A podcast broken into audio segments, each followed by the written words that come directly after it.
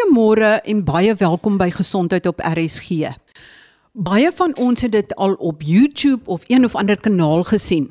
Die klapwedstryde wat nou vreeslik gewild geword het in Amerika en selfs in die Boksburg Benoni gebied in ons eie land. Jy sit doodstil en dan klap die ander ou jou met sy planthand op jou wang sodat jy eintlik van jou voete afval en duiselig is en dan as jy net jou kop so bietjie geskit het en sommer 'n tweede klap volg baie vinnig daarna. En daar selfs video's van hoe een klap na die ander die een wat die klap ontvang laat styer en platval en jy kan duidelik sien hy het geen idee wat om hom aangaan nie. 'n Klap kan jou ook uitslaan. Dit kan jou kakebeen breek, maar anders as in boks kan die een wat dit ontvang nie keer of koes nie. Ek gesels met dokter Peer Wewe van sportgeneeskunde aan die Universiteit van Stellenbosch en die Universiteit van Stellenbosch se mediese skool oor wat is die risiko vir harsingskudding of dan ander beserings met hierdie klapwedstryde wat nou so gewild raak. Dokter Wewe, harsingskudding en jy sit stil vir daai klap. Vertel bietjie vir ons wat gebeur. Môre uh, Marie, ja en baie dankie ook vir die geleentheid weer om met die uh, luisteraars te praat. Jy het my eintlik aan die dink gesit met hierdie. Ek het nie eens besef daar bestaan so sport nie, so ek moet dit erken. Ek het 'n bietjie gaan kyk en gaan nalees en ek dink is nogal belangrik om net 'n bietjie vir die luisteraars 'n idee te gee van wat hierdie sport behels. So die sport het sy oorsprong in Amerika. Dit is 'n sport waar jy dan regop staan. Die doel van die sport is dan om die opponent dan met 'n plat hand te slaan. Die hou moet geplaas word bokant die ken aan die kant van die gesig uh, met 'n plat hand aan slaan en die hele doel is om die in die puntestelsel werk dan op die reaksie van die pasiënt na die klap. Dit werk so dat die persoon soos jy gesê het kan nie keer nie, maar jy 30 sekondes om dan te slaan of te klap, dan na die klap toegedien is, dan het die uh, opponent dan 30 sekondes om te herstel waarna hy dan weer uh, binne daai 30 sekondes op die voet moet wees en hulle kom weer reg en dan die persoon wat dan eerste geslaan het, hy hy moet dan die klap ontvang. Hulle lood voor die tyd wie is die eerste klapper want jy kan natuurlik uitgeslaan word met die eerste klap. Die tweede ding wat interessant is ook uh van die reëls is uh, dit word gewoonlik oor 3 rondes uh, van 30 sekondes dan gedoen en so voort. So dis net 'n bietjie van die agtergrond. Nou wat ook belangrik is is dat hierdie plathandse klap word gereken het dieselfde impak as wat jy iemand met 'n vuis direk van voor in die gesig slaan. Daar's nou ook gesprek in Amerika nou hoekom nou die klap en nie net iemand met die vuis slaan nie. Maar ek dink ons weet almal dat 'n vuis slaan esteties nie so mooi lyk altyd nie want daar gaan bloed wees en tande wat vlieg en allerlei sulke dinge. So hulle maak die sport eintlik skoon sodat mense daarna kyk, maar dit vat nie die gevaar weg nie. As mens nou so staan, is jy eintlik baie weerloos. Ek kan my net voorstel hoe jou brein binne in jou skedel moet tol as daai verskriklike plathand hou jou tref. Hoe groot is die risiko vir harsingskudding? Maria, en ek dink wat hier belangrik is is in die video's wat ek nou bestudeer het van hierdie sport, die oorwegende beweging is 'n rotasiebeweging.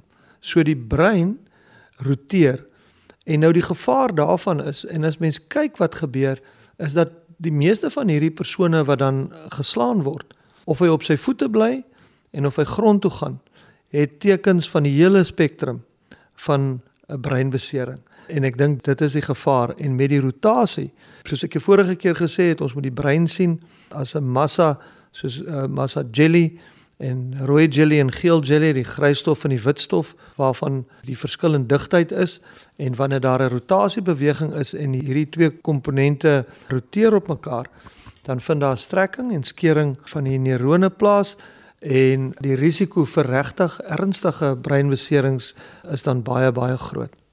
Gesels bietjie meer oor harsingskudding want daar is nog steeds die idee dat ag harsingskudding is nie so ernstig nie en jy kan gou-gou weer op die veld opdraf.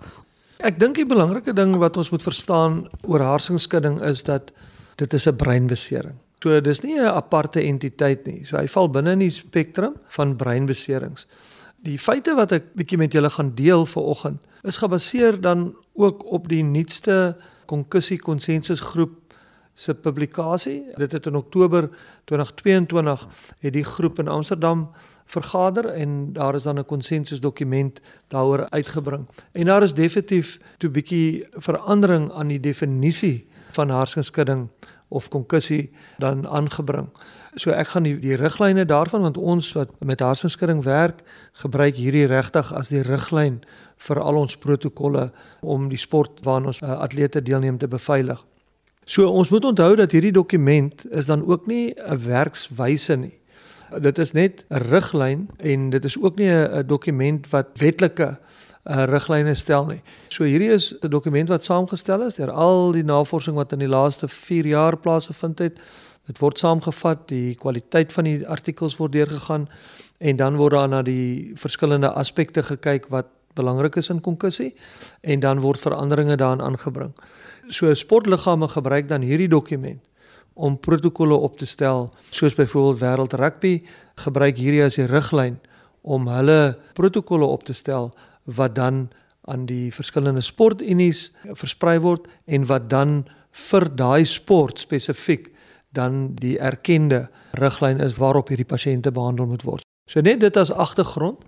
Ek dink ons moet ook verstaan dat konkussie is dan 'n traumatiese breinbesering wat volg op 'n direkte impak aan die kop, die nek of in die liggaam wat dan 'n impulsiewe energie of kragte deur die brein laat vloei en dan direk invloed hê op dan die breinweefsel per se.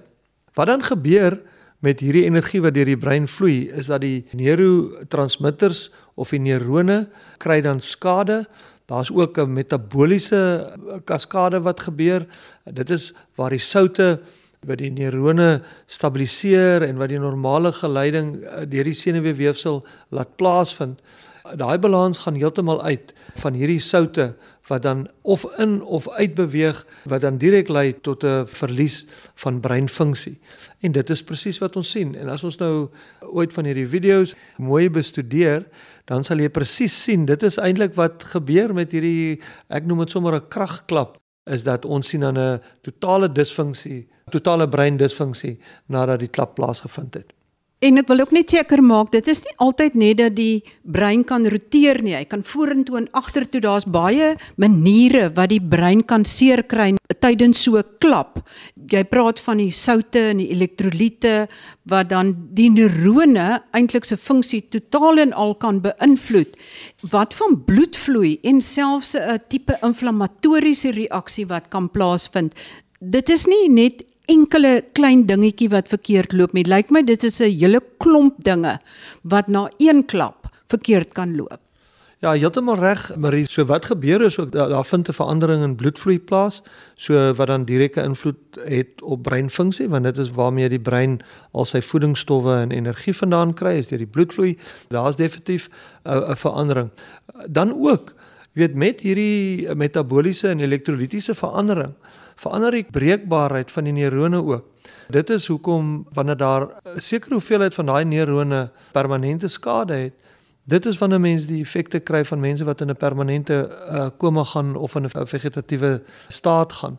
Dis alles 'n mondvol, maar soos ek reeds gesê het, as jy in die gedagte kan hou die prentjie van die brein wat massa jelly is en wat kan beweeg, dan sê jy ook vind dat wanneer hierdie bewegings plaasvind, veral die vorentoe en in kantbewegings wat jy oor gepraat het, want die brein kan nêrens heen gaan nie. So hy stamp teen die benige kas rondom hom en hy kan dan op plekke ook dan akute bloedings gee sodat daar dan 'n interne bloeding uh, binne in die brein ook plaasvind. Nou dan is dit glad nie meer konkusse nie, dan praat ons van die strukturele breinbeserings en hierdie het dramatiese gevolge. Ek sit nou my gesprek voort met Dr Peer Wiwie, sportgeneeskundige verbonde aan die Universiteit van Stellenbosch en een van die land se kenners op die gebied van harsingskudding. In hierdie gedeelte fokus ons veral op harsingskudding in rugby om die grondslag te lê vir die voortsetting van die gesprek volgende week wanneer ons dan meer fokus op harsingskudding na die kragklappe. Kan mens hierdie veranderings wat plaasvind op 'n scan sien? Ons kry baie versoeke, jy weet as ons pasiënte sien, maar dokter, kan jy nie 'n scan doen nie? Of ons kry ouers wat vir ons in die spreekkamer kom sê maar maar dokter doen 'n scan of die scan was normaal geweest en nou wil hulle nie die kind of of die speler laat speel nie. Ek wil hierso ook net duidelik sê dat wanneer ons van 'n konkussie of hartsenskudding praat, sien ons geen verandering. Gewoonlik kyk ons na die of die MRI, sien ons geen abnormale of strukturele abnormaliteite of strukturele veranderinge nie uh die normale kliniese uh, beelding wat gebruik word. Met ander woorde, jy kan 'n konkussie hê en 'n totale normale skandering toon. So dis baie belangrik dink ek veral vir ouers om dit te weet. Ek dink die volgende ding is is wanneer ons in die navorsingsomgewing is en ons met baie spesifieke skanderings werk, dan kan 'n mens veranderinge in funksionele bloedvloei sien en met metabooliese skanderings kan 'n mens veranderinge sien. Maar uit die aard van die saak, hierdie is in 'n navorsingsomgewing en is nog nie beskikbaar vir die algemene publiek nie.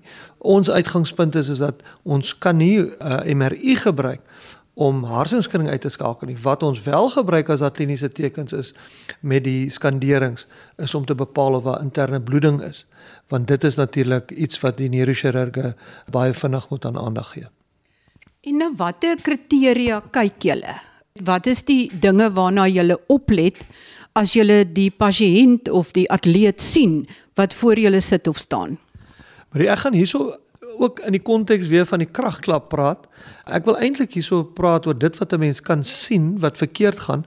Wanneer mens hierdie tekens sien, enige een van hierdie tekens, dan is die kanse baie baie hoog. Ons eintlik aanvaar dat daar wel dan 'n onderliggende konkussie is. Hierdie persone op 'n rugbyveld sal totaal 'n ander pad loop in die hantering. So wanneer daar 'n bevestigde bewusstseinsverlies is, of net 'n vermoede is dat daar 'n bewussynsverlies is want jy, is al weet op 'n rugbyveld is dit baie keer baie moeilik om daai bewussynsverlies te sien en dit verander vinnig weer terug na normaal toe. 'n Speler wat stype kry of konvulsies kry, dan is daar 'n baie algemene 'n teken wat ons in Engels noem die bear hug. Dit is so 'n toniese postuur wat die persoon kry is amper op sy rug lê en en die hande wat intrek en lyk of hy 'n beer vasdruk. Dit is baie baie opvallend dan balansversteuring uh ook net as hy regop staan of uh ataksie is uh, met ander woorde waar die persoon as hy regop staan nie sy posisie kan bou nie of as jy hom vra om sy oë te neem sal hy na 'n kant toe val of hy val net na 'n kant toe sonder eers om te loop. Dan ook 'n speler wat gedisoriënteerd is in ons as van tyd plek en persoon nou daar moet 'n mens vra vra vir hulle en ons het spesifieke vrae wat ons vra gedragsversteurings by spelers soos byvoorbeeld jy weet in rugby sal die ou heeltemal abnormaal reageer teenoor die mense wat in sy span is. Hy sal aan die verkeerde kant toe loop, hy sal die tekens vergeet wat hulle vir hom sê, lynstand tekens of tekens in aanval. So dit is baie keer dan wat die spelers vir ons eh, dan op sê, hoorie, dok, kyk na die ou, daar's fout en dan ook die abnormale oogbewegings. Nou dis alles wat 'n mens kan sien. Nou ek nooi die luisteraars as Marie vir julle die skakel stuur om bietjie te gaan kyk en te sien hoeveel van hierdie kan jy raak sien sommer net daar en ek meen van die wat regop staan wat nie eers val nie kan ek weet wat myself uh, sal uitgee as iemand wat nogal na hierdie dinge doen langs die rugbyveld en veral die video-analise van hierdie beserings is daar hordes van kliniese tekens van breinbesering wat 'n mens kan optel. Al staan die ou regop en hy maak reg vir sy volgende klap. As jy binne 30 sekondes weer moet of 'n klap toedien of 'n klap moet ontvang, kan die brein dan so vinnig herstel?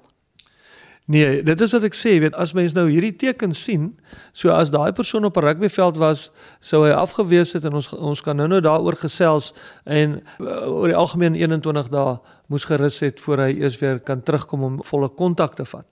Dis die interessantheid, maar nou met hierdie is hy reguit daar en ek dink dit is waaraan ons moet ook onthou hoekom ons spelers van die veld afhaal.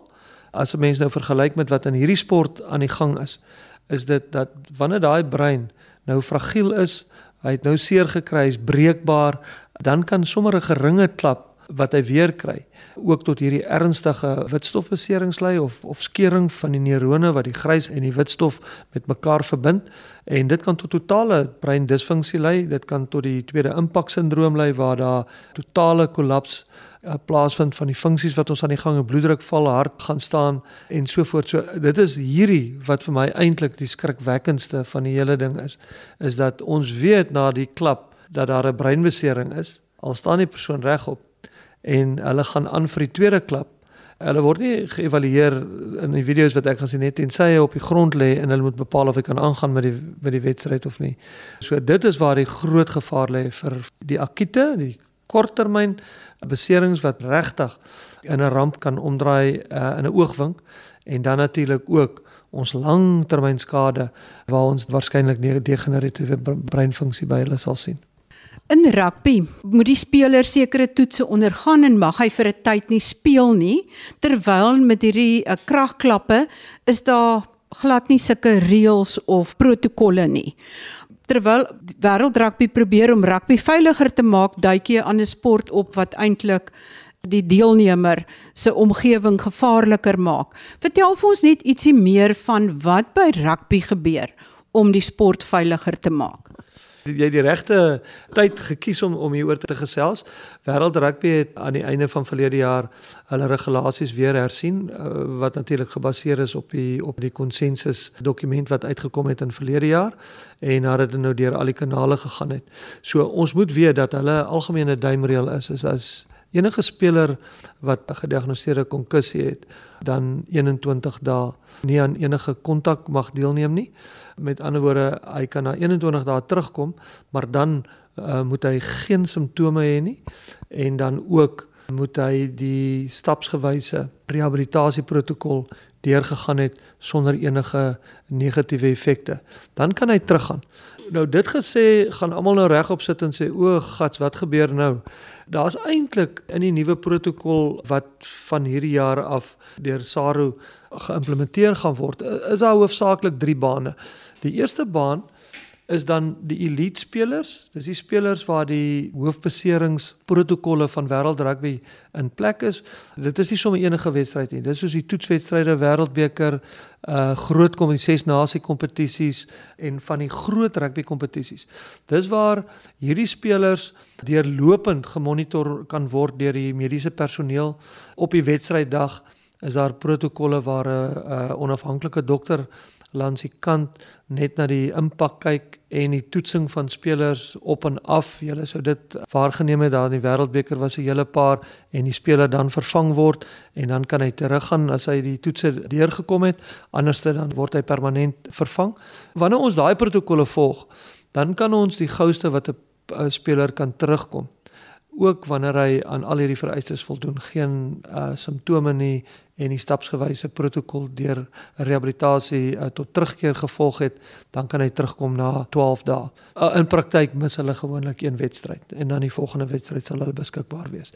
Nou al die ander wedstryde soos gesê het is is 21 dae, maar SA Rugby het ook nou gewerk aan 'n protokol waar daar so middelgroep spelers is waar daar wel baie goed gestruktureerde konkussie protokolle bestaan by skole, universiteite en klubs dat daar binne hierdie riglyne spelers dan hanteer kan word wat dan behels sekere toetse deur die spelers se mediese personeel in die klub of in die universiteit of in die skool maar dan ook gerigsteun deur 'n ondersoek en evaluasie deur 'n onafhanklike konkussie spesialis of deur geakkrediteerde mediese personeel of dokters wat deur SARO geakkrediteer word. Dit is die volgende wat nou gaan kom. Dit sal geïmplementeer word soos wat die seisoen nou omvou. So dis min of meer wat in rugby gebeur en ek dink dit is belangrik om te weet dat rugby na elkeen van hierdie konsensus kongresse pas hy sy protokolle aan om die veiligheid te verseker. So sal daar by elke rugbywedstryd dan iemand wees wat spelers kan assesseer. Uh, by die elite rugby wedstryde veral, maar ek dink hierdie middelgroep van spelers wat ek genoem het, is daar mediese personeel wat opgelei word. Daar's gereeld kursusse by SARU, Boksmart het kursusse en dan Wêreld Rugby het ook kursusse wat mense aanlyn kan volg en afhandel en gesertifiseer word en wat jou eintlik dan kennis gee om daai erkenning van konkussie eers te doen en dan ook die verskillende toolkits te gebruik. So waar daai mediese personeel bestaan, kan dit gedoen word en dit word gedoen. Maar dan moet die persoon ook binne 'n sekere tyd 'n uh, evaluasie kry deur volgens die riglyne wat daar gestel is Ons weet prakties is dit net nie moontlik om dokters of fisioterapeute of enige ander opgeleide mediese personeel te hê nie. In die wêreld is daar omtrent so net by die 8 miljoen rugby spelers en omtrent so net oor 'n miljoen van hulle is professionele spelers. So die res is die spelers wat op Saterdag rondspeel op verskeie ander platforms. Ja, dis ook interessant dat as daar 'n nekbesering is, dan is dit gewoonlik nie die elite spelers nie, maar van hierdie ander spelers. In rugby is daar nou selfs Walliese en Engelse spelers wat kroniese breinskade opgedoen het en nou die rugbybase wil hof toe sleep. Kan jy vir ons net vertel wat is die jongste stand van sake oor hierdie aspek en wat is daai kroniese breinskade waarna hulle verwys? Dit is 'n moeilike vraag Marie want uh daar is soveel faktore wat 'n rol speel hier. Ek het een genoem en dit is die feit dat rugby sedert die 2004 rond aanpas volgens wat die beskikbare kennis op daardie stadium is. So dit is belangrik by hierdie klas aksies sal wees om te bepaal het wêreld rugby en die rugbybase die nodige gedoen om by te bly by die navorsing wat uitgekom het en die kennis wat ons opgedoen het. So ons kan natuurlik nie nou sê hulle is verkeerd op wat ons nou weet nie want daai tyd was die kennis nou nog net nie daar nie. Maar as daar 'n protokol op daardie stadium was wat die standaard protokol was of die aanvaarde protokol was waarop hierdie spelers behandel moes word en is nie gedoen nie, dan natuurlik maak dit dit oop. So dis wat die saak aan betref. Ek wil my nie veel uitlig oor die saak as sulks nie. Interessant in die die nuwe konkussie konsensus dokument is daar vir die eerste keer ook duidelik uh, verwys na van hierdie kroniese toestande. Toestande waarvoor ons bekommerd is maar altyd is die geestelike gesondheid van hierdie spelers want ons weet dat afgetrede sokkerspelers en daar's baie uh, dinge geskryf daaroor die Amerikaanse rugby spelers en nou soos die Engelse rugby spelers en ook van van ons rugby spelers met geestelike gesondheidsprobleme sukkel later in hulle lewe. So dit is die een probleem. Dan is daar altyd die vraag Jy weet as 'n mens hierdie herhaalde konkussies gehad het of kopstampe, is daar enige kognitiewe abnormaliteite, met ander woorde dat 'n mens uh kognitief agterraak en dan ook wat is die assosiasie dan met met neurologiese uh, siektes uh soos Alzheimer, dan ook mense praat oor die CTE en dan ook jy weet siektes soos um motorneuron siekte. Wat die konsensus groep toe besluit het is om te sê dat jy weet hierdie is is 'n baie komplekse situasie en daar is nog nie navorsing wat 'n direkte kausale verband trek tussen die kopstampe en die siektes. 'n Ander belangrike ding is is ons sien ook dat al hierdie abnormaliteite ook voorkom in die normale populasie. En dit is nie asof die rugby of die Amerikaanse rugby of sokkerspelers dit meer kry nie. So daar's baie meer studies nodig wat ons noem gevalgekontrole of case control studies en cohort studies wat ons dan spesifieke groepe gaan kyk en dit vergelyk met kontrolegroepe in die normale populasie en en in ander populasies om te kan bepaal maar is hierdie dan cohort spesifieke probleem en dit is hoekom dit ontwikkel. Baie dankie aan my gas vandag, Dr Peer Wewe, sportgeneeskundige verbonde aan die Universiteit van Stellenbosch en kenner op die gebied van veral harsingskudding in sportmense. Volgende week sit ek 'n gesprek voort en ons konsentreer op harsingskudding en neurologiese skade as gevolg van kragklappe. Tot volgende week dan. Baie groete van my, Marie Hudson.